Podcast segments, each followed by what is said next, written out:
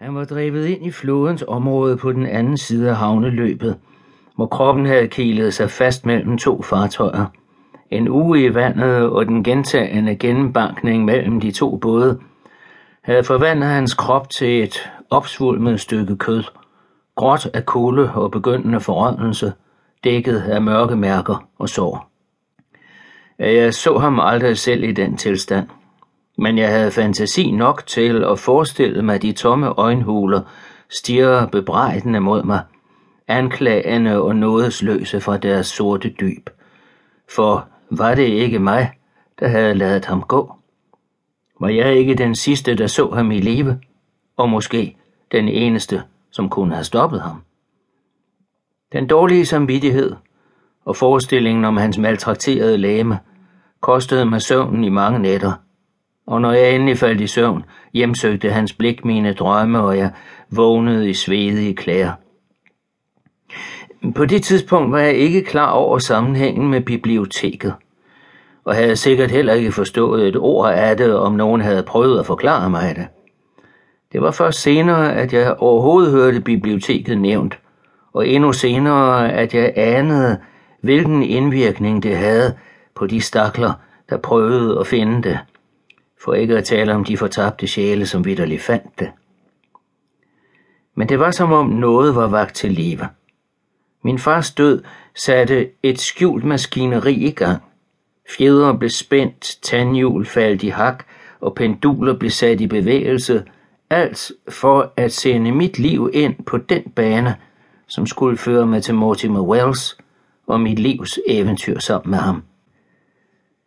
Det er først nu, mere end 50 år efter vort første møde i 1846, at jeg kan berette om vores fælles oplevelser.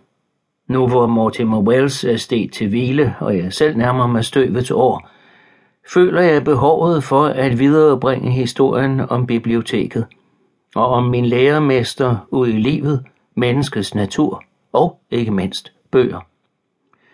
Det kræver, at jeg må søge tilbage til en tid, hvor jeg var en meget trodsig og temmelig naiv ung mand.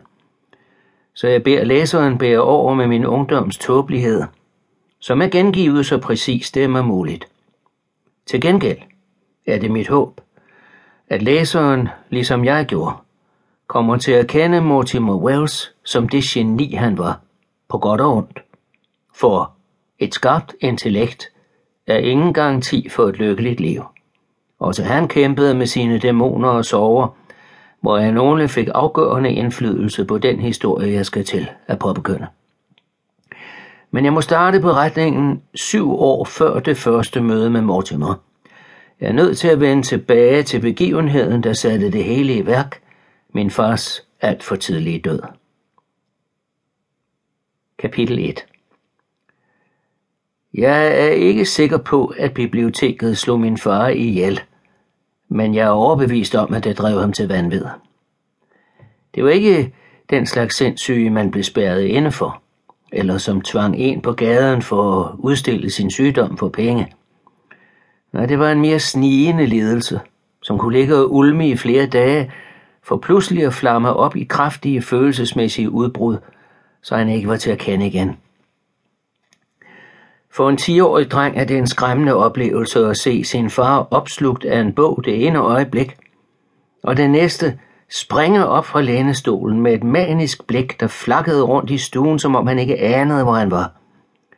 Han kunne sidde tavst hen en tid, og så startede en klukkende latter dybt i hans indre, og den voksede i styrke til et højlydt grin, der lød som om det hvert øjeblik kunne komme over i en ustoppelig hulken. Det kunne vare fra få minutter til flere timer, men så stoppede det igen lige så pludseligt, som det var startet.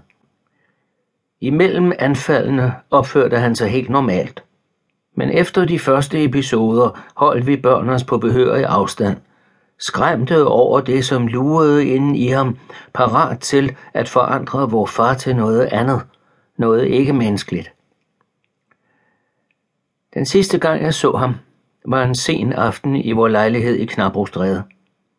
At være embedsmand i bogministeriet gav ham og dermed familien visse privilegier, deriblandt en treværelseslejlighed oppe under taget, i et kvarter, som måske ikke var prangende, men alligevel